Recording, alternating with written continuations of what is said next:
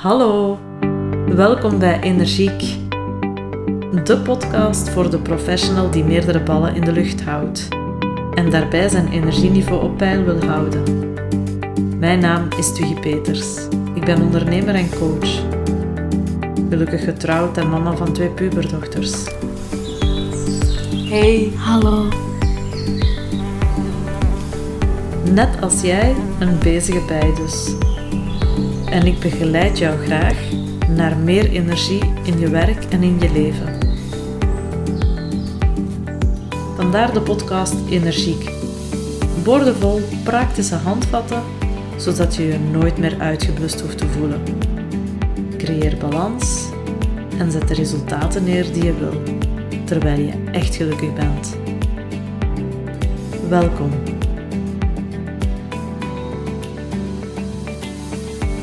Welkom lieve luisteraar. Wat leuk dat je weer luistert naar een nieuwe aflevering van de podcast Energiek. Na de korte solo summer episodes ga ik in deze aflevering opnieuw in gesprek met een podcastgasten, met Marijke Leijs. Marijke is de grondlegger van het Voice Dialogue Instituut, waar ze samen met haar team coaches en therapeuten onderdompelt en traint in het telewerk, in Voice Dialogue. Marijke is al meer dan 20 jaar psychotherapeute en auteur van twee Voice Dialogue praktijkboeken. Oog in oog met kwetsbaarheid en kwetsbaarheid als kompas. Zelf ben ik in contact gekomen met Voice Dialogue of delenwerk naar aanleiding van mijn coachopleiding. Tijdens die coachopleiding kreeg ik inzicht in het feit dat er verschillende delen, verschillende energieën aanwezig zijn in onszelf. Denk bijvoorbeeld aan ja, de tweestrijd die je ervaart bij het nemen van beslissingen.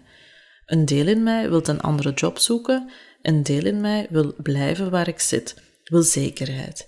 Twee stemmen in je hoofd die heen en weer praten, vaak zonder conclusie. Het blijft een soort heen en weer kaatsen en je komt er niet uit. Maar door in contact te komen en even de ruimte te geven aan die twee energieën en ze er volledig te laten zijn, kan er inzicht komen in de positieve intentie en ga je vanuit een hoger bewustzijn meer keuzevrijheid creëren en ervaren. Tijdens mijn uh, coachopleiding ervaarde ik al hoe krachtig dit was, hoe sterk die energieën zich konden manifesteren. En daar, daar wou ik mij echt in verdiepen, want de effecten ervan op vlak van persoonlijke groei en ontwikkeling, die waren echt immens. En zo kwam ik terecht bij het Voice Dialogue Instituut van Marijke Leijs. En wauw, ben ik blij dat ik me daar ondertussen meer en meer in heb kunnen verdiepen in die verschillende ikken, in hun functies en de impact op ons dagelijks functioneren. Met haar ga ik in gesprek in deze aflevering over ergernissen. We ergeren ons allemaal wel eens aan een ander. Maar als je op zoek gaat naar de kwaliteit achter de ergernis, zegt dat vaak iets over wat je zelf nog te leren hebt. En wanneer je met die ogen naar jouw grootste ergernis kijkt, ontdek je jouw grootste leermeester. Maar wat doen we meestal, en veel liever dan op zoek te gaan naar wat we kunnen leren uit de ergernis, dat is gaan roddelen over die persoon. Maar roddelen is eigenlijk een naar buiten brengen van een innerlijk conflict. Het is een projectie van je eigen angsten. En hoe dat precies werkt, Daarover ga ik in gesprek met Marijke aan de hand van voice dialogue en delenwerk. We hebben het over hoe onze ergernissen ons in contact brengen met onze primaire en verstoten stukken en hoe die ons iets leren over onze kwetsbaarheid, die we liever niet laten zien aan de buitenwereld of die we graag willen beschermen. Marijke neemt ons ook mee doorheen een aantal vragen die je jezelf kan stellen wanneer je je weer eens blauw ergert aan die ene collega of aan je partner of aan je vriend. Op die manier kan je van iets wat heel veel energie kost, namelijk je ergeren, kan je dat gaan ombuigen naar iets positiefs, naar persoonlijke groei. Ik wens je veel luisterplezier met deze nieuwe aflevering over ergernissen. Ehm, welkom Marijke in de podcast Energiek. Ik ehm, moet zeggen, ik heb zelf ontzettend uitgekeken naar dit uh, gesprek. Vooral omdat ergernissen wel een thema is wat mij um, boeit. in relaties tot anderen, wat jou triggert, wat jou kan ja, ergeren. Dus ik vind dat een bijzonder boeiend thema en ik ben er eigenlijk van overtuigd dat ik uh, weer heel veel ga bijleren. Welkom dus. Ja, dag Twiggy. Ja, fijn dat je hier bent en, en het is inderdaad een heel boeiend thema. Dus ik hoop dat we daar samen in ons gesprek een beetje licht kunnen laten opschijnen. Dus, uh, fijn dat je dit wil aangaan met mij. Marijke, misschien eens beginnen met waar dat we hier uh, zitten voor de luisteraar. Want het is altijd wel fijn om zo um, een schets te hebben van de omgeving. Waar, waar zijn we hier eigenlijk? Ja. Wel, we zijn eigenlijk in de groepspraktijk. Hè? Praktijk de Kering in Tienen, die ik samen met Sari Goossens heb opgericht, intussen acht jaar geleden. En dit is eigenlijk het huis waar wij met zes therapeuten hè, therapie geven, maar waar ik ook vanuit het Voice Instituut af en toe les geef. Dus het is eigenlijk de plek waar hè, zowel het Voice Instituut zijn uh, um, ja, kantoren heeft, laten we zo zeggen, maar, maar die eigenlijk voornamelijk een groepspraktijk is. En we zitten momenteel in een van de therapieruimtes. Hè. En ik uh, zie ontzettend veel Playmobil-mannetjes achter u staan. Wat, wat, wat, doen die hier eigenlijk? Ja, ja, ja, mensen vragen zich dat soms af, van werken jullie dan ook met kinderen of zo? Dat is een veelgestelde vraag, hè, als het gaat over die popjes.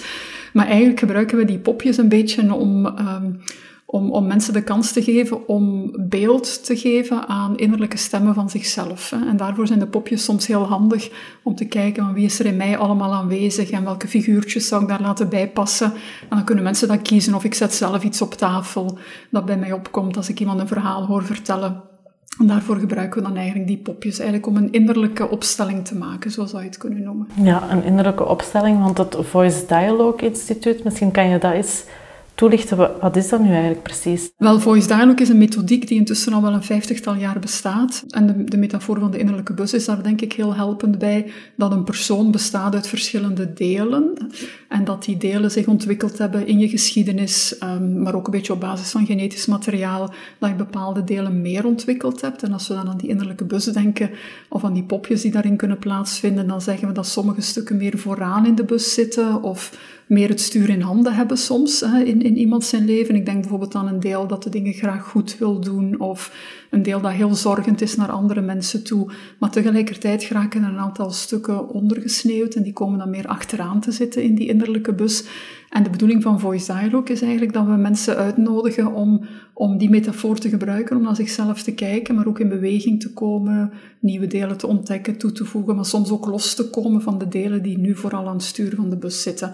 En om dan, wat we een beetje noemen, vanuit het midden eigenlijk, of eigenlijk zelf een beetje aan het stuur van die bus komen te zitten, om van daaruit bewustere keuzes te maken in hoe wil ik omgaan met een situatie, hoe verhoud ik mij tot bepaalde mensen, kan ik dat op een andere manier doen, kan ik meer balans vinden in mezelf, zo, dat, dat soort dingen. Daarvoor gebruiken we die methodiek. Een methodiek die ik uh, zelf ook heel graag gebruik. En er zijn heel wat metaforen die ik hier geleerd heb. Daarvan is zo op twee sporen leren rijden. Dat is zo iets wat mij ook nog altijd helpt om, om aan een cliënt duidelijk te maken van je blijft zo heel lang misschien in één spoor rijden en dan krijg je een diepe groef. En hè, het is misschien soms wel eens interessant om een ander spoor te ontwikkelen. Het kost wel wat inspanning natuurlijk, hè? want een diep gesleten, ingesleten karrenspoor, ja, daar rijdt je kar vanzelf in. Hè?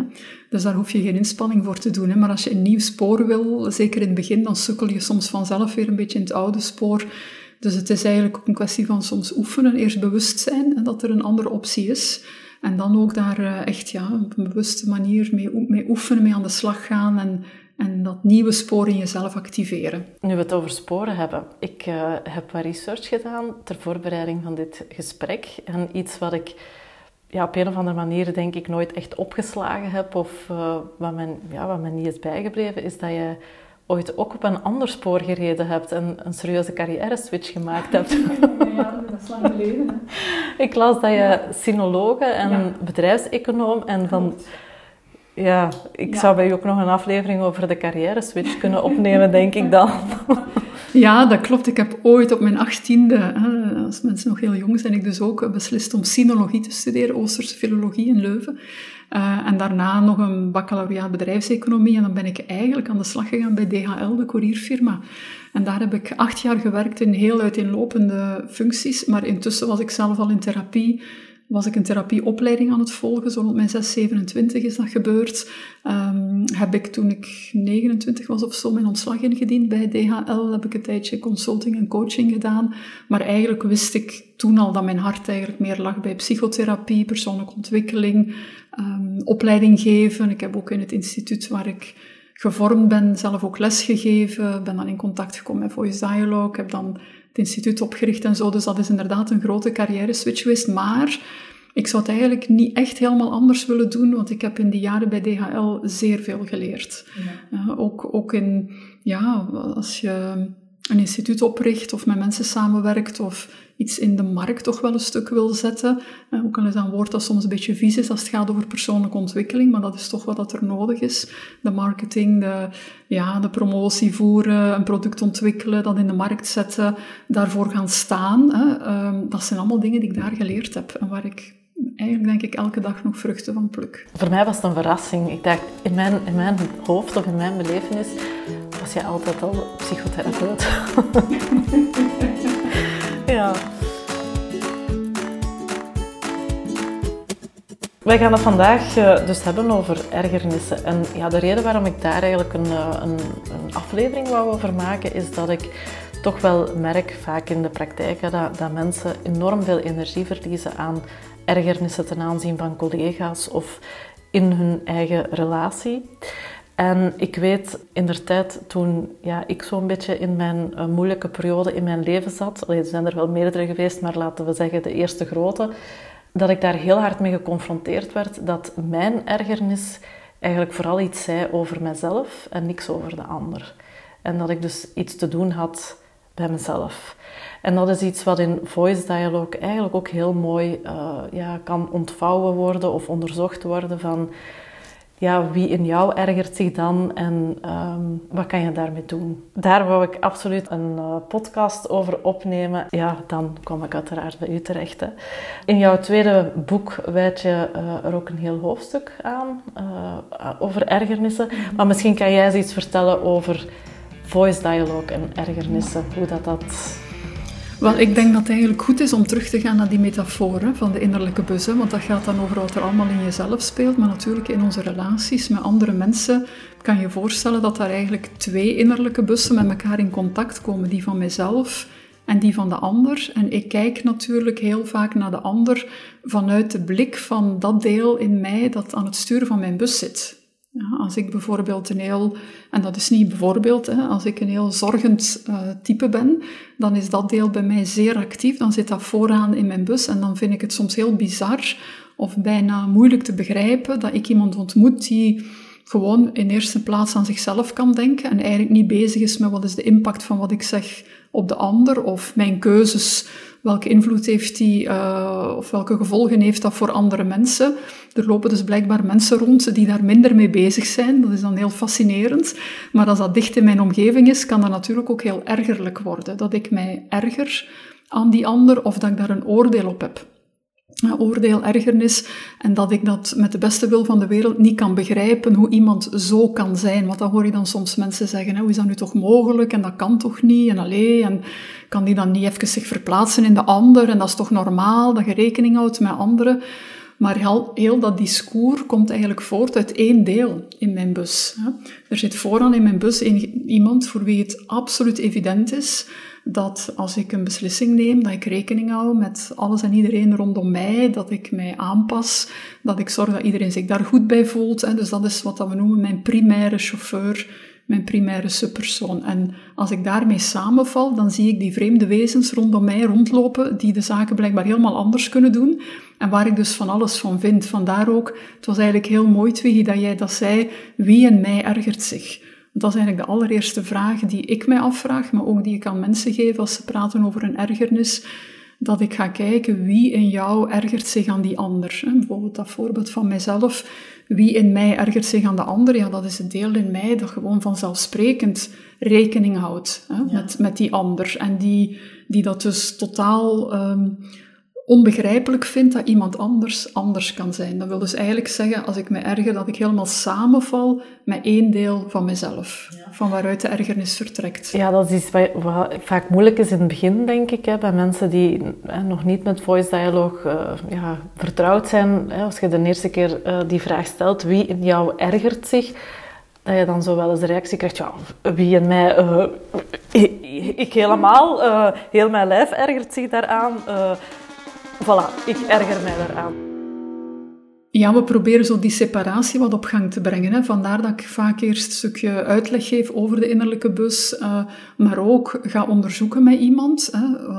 Oké, dat wat jij doet en dat wat voor jou heel belangrijk is, namelijk rekening houden met anderen, waarom is dat zo belangrijk geworden in je leven? Dus dat we eigenlijk eerst proberen te honoreren wie ben jij geworden en waarom, en dat we dan pas de brug maken naar die ergernis. Want dat is inderdaad juist, wie, als je dat te snel doet, dan zeggen mensen, ja, maar wat zeg je nu? Dat ik moet worden zoals die anderen of wat? Uh, of dat is toch normaal dat ik me erger, want dat is toch uh, brutaal gedrag of zoiets. Hè?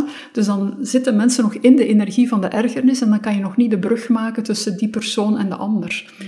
Dus de eerste stap is voor mij als begeleider dat ik ga onderzoeken wie in die persoon zal zich mogelijk kunnen ergeren, maar dat ik vooral probeer te honoreren waarom is iemand zo geworden of waarom is dat deel zo groot geworden vooraan in de bus. En, en vaak zit daar een heel lange geschiedenis achter. Ik ben een oudste in een gezin, ik heb er waren nogal wat situaties bij ons thuis waardoor ik heel snel ben gaan zorgen, uh, heel erg afgestemd raakte op de mensen in mijn omgeving, um, daar rekening mee hield. Um, een beetje conflicten ging vermijden, zo eerder mij afstemde, mijn eigen behoeften wat onder tapijt veegde. Dus het is niet zo vreemd dat dat bijvoorbeeld bij mij een deel geworden is dat heel groot is. Ja, en dat is een hele belangrijke stap om, om ook te gaan onderzoeken wie in mij is zo groot geworden, waarom, waar komt dat vandaan, wat heeft dat opgeleverd in mijn leven, want dat is ja, uiteindelijk de job die ik vandaag doe, is grotendeels daardoor ontstaan ook. Hè. Dus, dus dat heeft ook heel veel opgeleverd in mijn leven en dat we dan eigenlijk pas gaan kijken, die ander die, om nu even kort door de bocht te gaan, die draagt iets waar ik wat meer zou kunnen van gebruiken. Maar als ik dat te snel zeg aan iemand, dan krijg je daar die, die heftige reactie op, hè, van hoezo? Iets wat ik kan gebruiken, dat wil ik helemaal niet. Hè? Ja, ik herinner mij in mijn coachinggesprek toen... Um, ik had toen een leidinggevende die ontzettend goed was om de dingen van zich af te laten glijden. Hè. Dus die nam in mijn ogen totaal geen verantwoordelijkheid op. En het team zat naar mijn gevoel in chaos, had geen sturing. En um, ik was eigenlijk mijn ergernis ten aanzien van het gebrek aan verantwoordelijkheid van mijn leidinggevende aan het duiden met heel veel voorbeelden. En uh, mijn coach die zei toen tegen mij, maar eigenlijk is uw, is uw leidinggevende uw grootste leermeester. En op dat moment, ik was zo kwaad, zo kwaad. Ik had echt zoiets van, heeft hij nu niet geluisterd naar wat ik net verteld heb? Uh, ik kan daar echt, maar dan echt niks van leren. Alleen hoe het niet moet. Dat was toen mijn, mijn spontane reactie. Ja, want je valt samen met hoe jij de dingen doet. Ik vermoed dat je dan iemand bent die de verantwoordelijkheid opneemt, die, die dat aangaat, die, die de dingen vastpakt, misschien te veel vastpakt, of alles vastpakt, of zich voor alles verantwoordelijk voelt. En, en het gaat er ook niet om dat we worden zoals de ander. Want dan zeggen mensen, ja, moet ik dan zo worden? Ja, nee, want met de beste wil van de wereld gaat dat toch niet lukken. Hè? Ik zal wellicht in dit leven niet kunnen evolueren tot iemand die alleen maar denkt aan mezelf. Ik denk niet dat dat er gaat inzitten, ja. Maar dat hoeft ook niet, ja. Het gaat eigenlijk over net iets van de kwaliteit van de ander meenemen in jezelf, zonder dat te worden hoe die ander dat uitwendig in de wereld doet. En dat is, daar is het soms moeilijk voor mensen om het onderscheid te maken tussen hoe zie ik die ander zich gedragen en wat is eigenlijk de kwaliteit die daar aan ten grondslag ligt. Dus waar is die ander beter in? Ja, en als ik denk aan iemand die goed voor zichzelf kan zorgen of vanuit zichzelf vertrekt, minder bezig is met de ander, dan denk ik, ja, die is duidelijk beter in iets meer waarde hechten aan de eigen behoeften. Die is daar beter in dan ik. Ik vind natuurlijk nog altijd dat hij daar te sterk in is. Hè, dus dat is, dat is altijd dat wat er dan bij komt. Maar eigenlijk, als ik eerlijk ben met mezelf, dan is dat een deel dat bij mij achteraan in mijn autobus zit. En dat ik niet heb kunnen ontwikkelen in mijn leven, maar waar soms wel ja, mij misschien wel deugd zou kunnen doen, of mij meer ruimte zou kunnen geven, of meer gemak zou kunnen geven, als ik ook gewoon een keer mag vertrekken vanuit iets wat ik wil, zonder rekening te houden met iedereen rondom mij. Ja. Dus daar ligt dan eigenlijk de winst als je het zo bekijkt. Dat de relatie de leermeester is. Is dat nu met je collega's, met je partner, met je kinderen? Kinderen zijn vaak ook heel grote spiegels, hè? die iets voor jou dragen wat jij toe te voegen hebt. En vice versa. Hè? Het werkt van twee kanten natuurlijk. Hè? Ik ben niet de enige die van alles moet toevoegen. Hè? De anderen moeten daar eigenlijk ook een beetje, of zouden daar ook kunnen toe uitgenodigd worden. De homeopathische dosis. Dat is een woord dat ik graag gebruik zo. Hè? Dat, dan kan mensen zeggen van laten we beginnen met een homeopathische dosis toe te voegen van waar die ander goed in is, om daar zo'n beetje dat oordeel af te halen van die grote versie van de ander. Waar mensen niet naartoe willen natuurlijk. Hè? Maar zo, het is een beetje het kind met badwater weggooien als we alles disqualificeren wat die ander dan doet. Mm Terwijl die ander wellicht ook iets geleerd heeft om het zo te doen om zichzelf te beschermen ooit. Iemand die heel erg naar zijn eigen behoeften kijkt, is misschien opgegroeid in een gezin waar er heel weinig ruimte was voor die persoon en waar hij zelf een beetje zijn plan moest trekken. En als hij iets wou, dat hij gewoon moest duidelijk zijn omdat er anders niks meer overbleef. Kan mij perfect redenen bedenken waarom iemand um, in zijn eigen of in haar eigen innerlijke bus iemand ontwikkeld heeft die, die eerst opkomt voor zichzelf. Ja.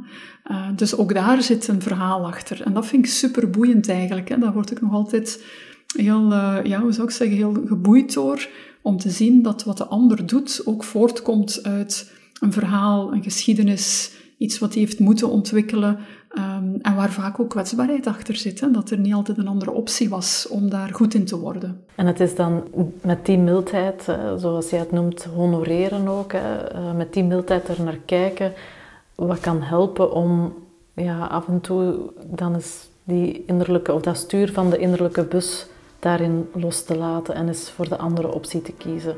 Door het te honoreren van wat het gebracht heeft, waarom het zo ontstaan is. Ja, en ook met dezelfde blik te kijken naar de ander. Dus eerst naar jezelf kijken van, ah ja, geen wonder dat ik zo geworden ben, dat dat deel zo stevig is in mij.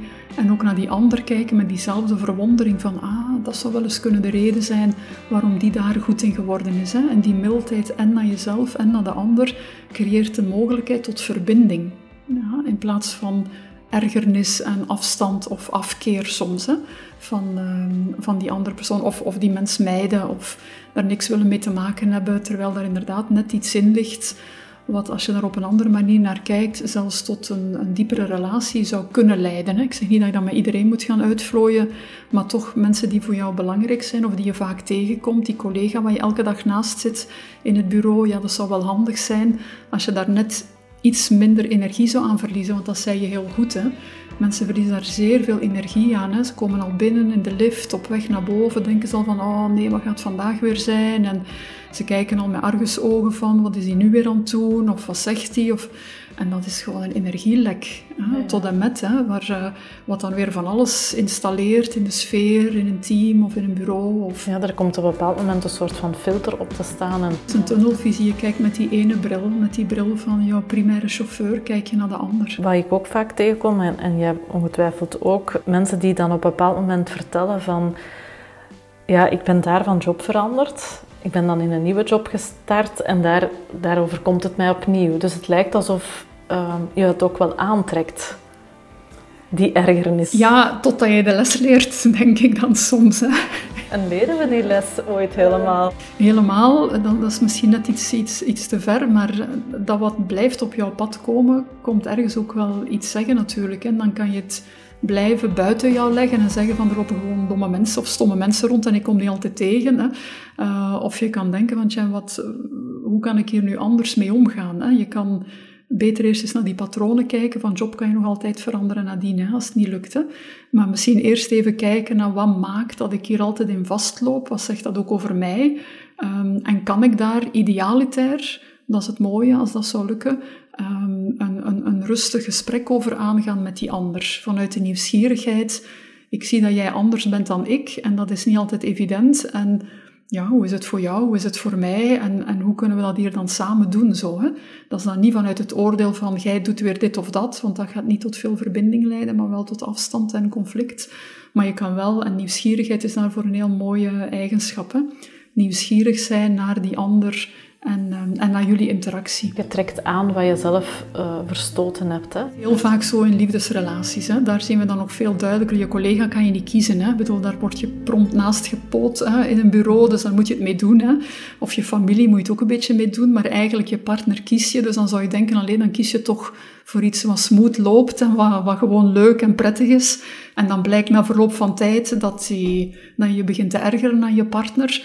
Dat wat in het begin super verleidelijk en leuk was, van amai, mijn partner is helemaal anders. Uh, dankzij hem of haar voel ik me helemaal heel, ik voel me thuiskomen. Omdat je eigenlijk dan toegang krijgt tot de dingen die je zelf niet goed kan.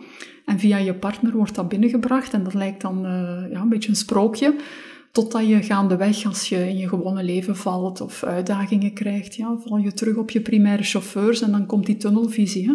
En dan denk je plots van, wat heb ik daar ooit zo leuk aan gevonden eigenlijk, hè, aan die anderen.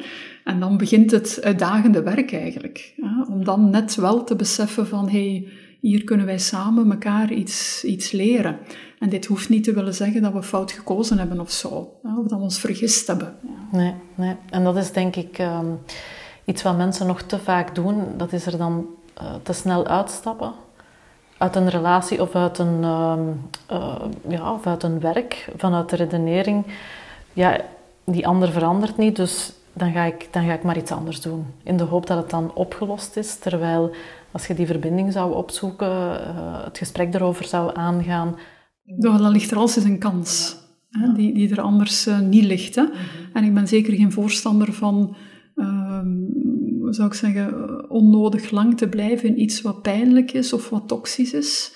Want soms kan iets, een situatie op een werk ook heel toxisch zijn en dan kan je doen wat je wil, maar het blijft gewoon bijna niet, niet te doen. Ja, dan heb ik ook zoiets van, ja, dan, dan moet je gaan voor je eigen gezondheid en, en voor je eigen zelfrespect. Moet je soms gaan, ook in een relatie mhm. moet je soms gaan. Maar dat zijn, naar mijn gevoel, toch iets meer uitzonderlijkere situaties heel vaak um, in zo'n verhaal van een relatie of collega's of, of een baas, uh, leidinggevende, zijn we ook allemaal maar mensen die ons best aan het doen zijn vanuit dat wat wij denken dat werkt. Maar dat is verschillend voor ons allemaal. Hè? Dus ik, ja, ik help mensen ook wel en ik kijk ook naar mezelf zo, hè, dat hoe sneller ik ergens wil van weggaan, hoe meer ik eigenlijk het te bekijken heb. Ja. ja. maar dat doe je niet uh, elke dag met dezelfde goesting. Hè? Om dat uit te zoeken, want dat is uh, werken. Hè? Dus als je dat kunt vermijden, is de exit natuurlijk iets handiger soms. Ja, dit zijn zo van die momenten dat je, um, ja, dat je ook gewoon weet van... Ik ben ook maar een mens. Hè? Ja. Uh, je kunt dan andere coachen begeleiden, maar je zit natuurlijk zelf ook met je, met je stukken. En soms is in de, inderdaad de de vlucht vooruit net iets comfortabeler. Ja, en dan, dan denk ik ook, af en toe mocht je zelf dat ook gunnen. Hè? Ja. Je mocht ook eens een keer niet nadenken over jezelf. Je kunt altijd terugkomen. Je kunt altijd een week later denken van oeps, dat was misschien niet echt elegant wat ik daar gedaan heb. Of dat was misschien wat te brusk of niet prettig voor de ander ook niet. Er zijn heel veel situaties waar we kunnen op terugkomen, hè, op reflecteren. Hè. Dus niet alles kan op het moment zelf, dat is gewoon onmogelijk. Hè. Je zit in een reactie, actie-reactie soms en dan moet je eerst even uitgaan en, en even terug tot rust komen. En soms is het pas maanden of jaren later dat je realiseert van, ah oké, dat was daar aan de gang. Zeg, en, voor de luisteraar die zich ergert aan iemand en die denkt, ja, dit is, dit is echt wel iets voor mij zo. Um, wat zijn zo de, de vragen die die aan zichzelf kan stellen? Om meer inzicht te krijgen in hè, wat is dan hetgeen wat ik daarin te leren heb. Wel, het eerste is eigenlijk waar erger je je precies aan? Hè? Is dat een bepaald gedrag? Is dat iets wat de ander uh, zegt? Is dat een intonatie? Is dat een lichaamshouding? Dat kan van alles zijn. Hè? Dat is, ja, dus eerst is al belangrijk van oké, waar erger je je precies aan? Om dat al zo'n beetje te verfijnen. Um, en, en dan van daaruit je te gaan afvragen wie in mij ergert zich daaraan. Of een eenvoudigere vraag is, hoe doe ik dat dan? Ja, dus, uh, als je bijvoorbeeld... Ja, dat kan, heel, kan een eenvoudig voorbeeld zijn. Hè? Mensen die zich ergeren in het verkeer omdat iemand... Uh, bij het ritsen bijvoorbeeld, hè, helemaal wacht tot op tijd zoals ze blijkbaar hoort te zijn. Hè. Ik snap dat ook niet altijd goed, maar goed, hè, blijkbaar is dat zo. Hè. ja, hè, dat je dan moet dan een beetje uh, zo doen. Hè. Maar als je daar dan aan ergert, hè, dat, dat je afvraagt, ja, hoe doe ik de dingen? Ja, ik, ik doe dat zo rap mogelijk. Of ik zorg dat iedereen uh, dat op een rustige manier kan doen. Of ik ga me daar niet tussen wringen op het einde. Oké, Maar die tekst vertrekt dus eigenlijk al van een deel in jou. Een deel dat zegt, ja, zo, zo moet je dat doen eigenlijk met z'n allen samen. Op een rustige manier, rekening houden met de ander. Zie die rekening houden is er weer, is duidelijk primair. Dus ja, dan kan je de vraag stellen, wie in mij ergens of hoe zou ik die dingen doen? En komt dat ergens vandaan in mijn leven? Heb ik dat ontwikkeld op een bepaalde manier? Was dat nodig in mijn geschiedenis om dat zo te doen?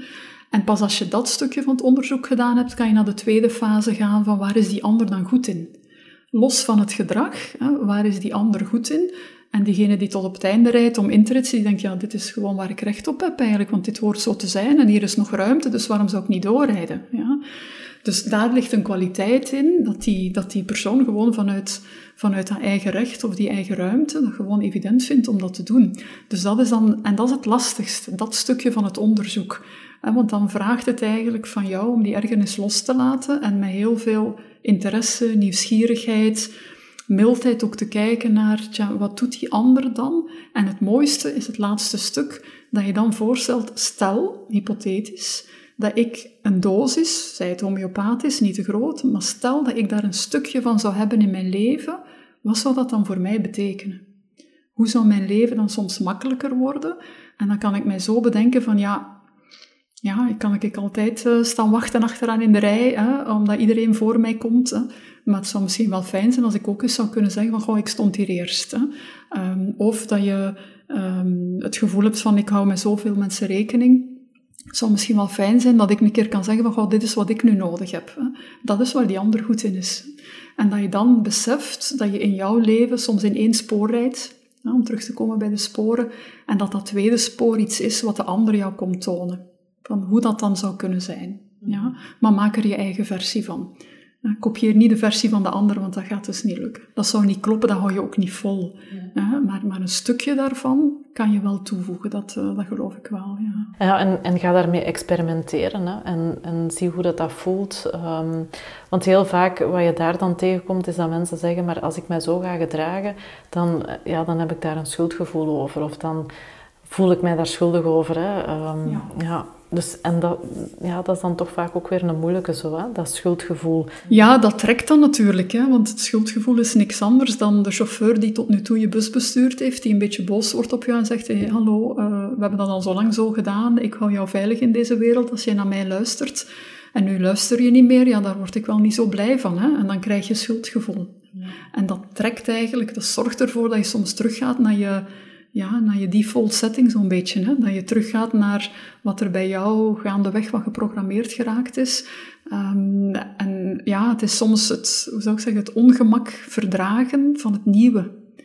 Ja, en dat kan echt ongemakkelijk zijn. Mhm. Ja, en daar toch doorheen proberen te gaan. Hè? Ja. Daarom kan je dat ook maar met kleine stapjes en experimenteren, liefst in een veilige context met goede vrienden of een vriendin of je partner. En je zegt van, goh, ik wil daar eigenlijk toch wel wat veranderen. Meestal zal je partner dan wel knikken en zeggen, ja, dat zeg ik, ik wil al een heel leven dat je dat eigenlijk best verandert, want zo doe ik dat.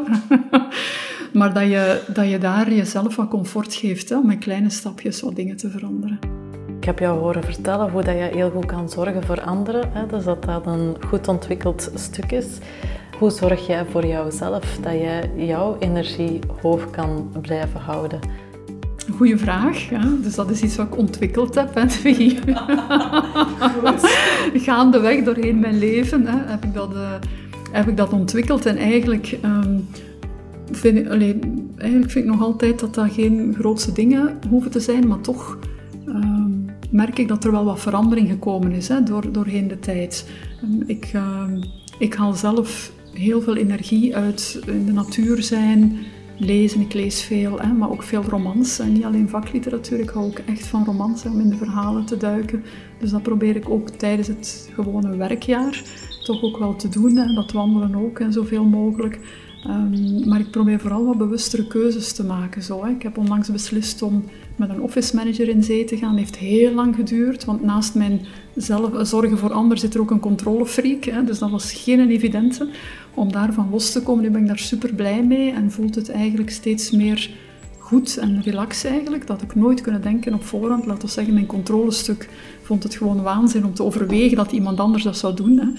Ehm, maar door het ongemak heen, want dat heb ik wel gevoeld, door het ongemak heen heb ik het toch gedaan en daar ben ik nu echt wel blij om. Hè. Dus het gaat ook over keuzes maken, het gaat ook over als er een vraag binnenkomt of een opdracht of een begeleiding, mij heel goed de vraag stellen wie in mij zou daar nu direct ja op zeggen.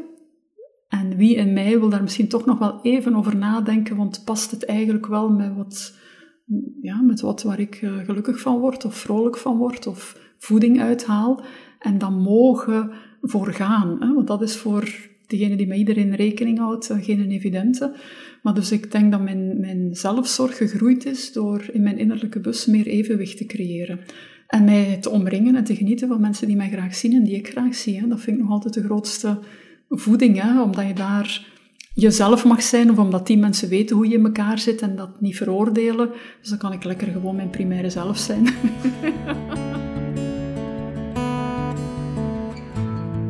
En misschien denk je nu na het beluisteren van deze aflevering: ik ben er klaar voor. Ik wil graag mijn ergernissen aanpakken en ik wil het gesprek aangaan, bijvoorbeeld met die ene collega waaraan ik me erger, zodat ik mijn energie er niet meer aan verlies en we de samenwerking kunnen verbeteren en zo samen voor betere resultaten kunnen gaan. En dan denk je misschien, maar is het wel zo gepast? Of uh, is het wel professioneel om in een werkcontext over gevoelens te praten? En is het wel veilig om mijn kwetsbaarheid te tonen? Ga ik daarop niet uh, ja, afgerekend worden of afgewezen worden?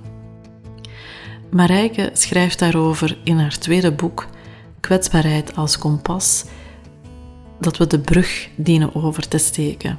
En ik lees eventjes voor uit haar boek.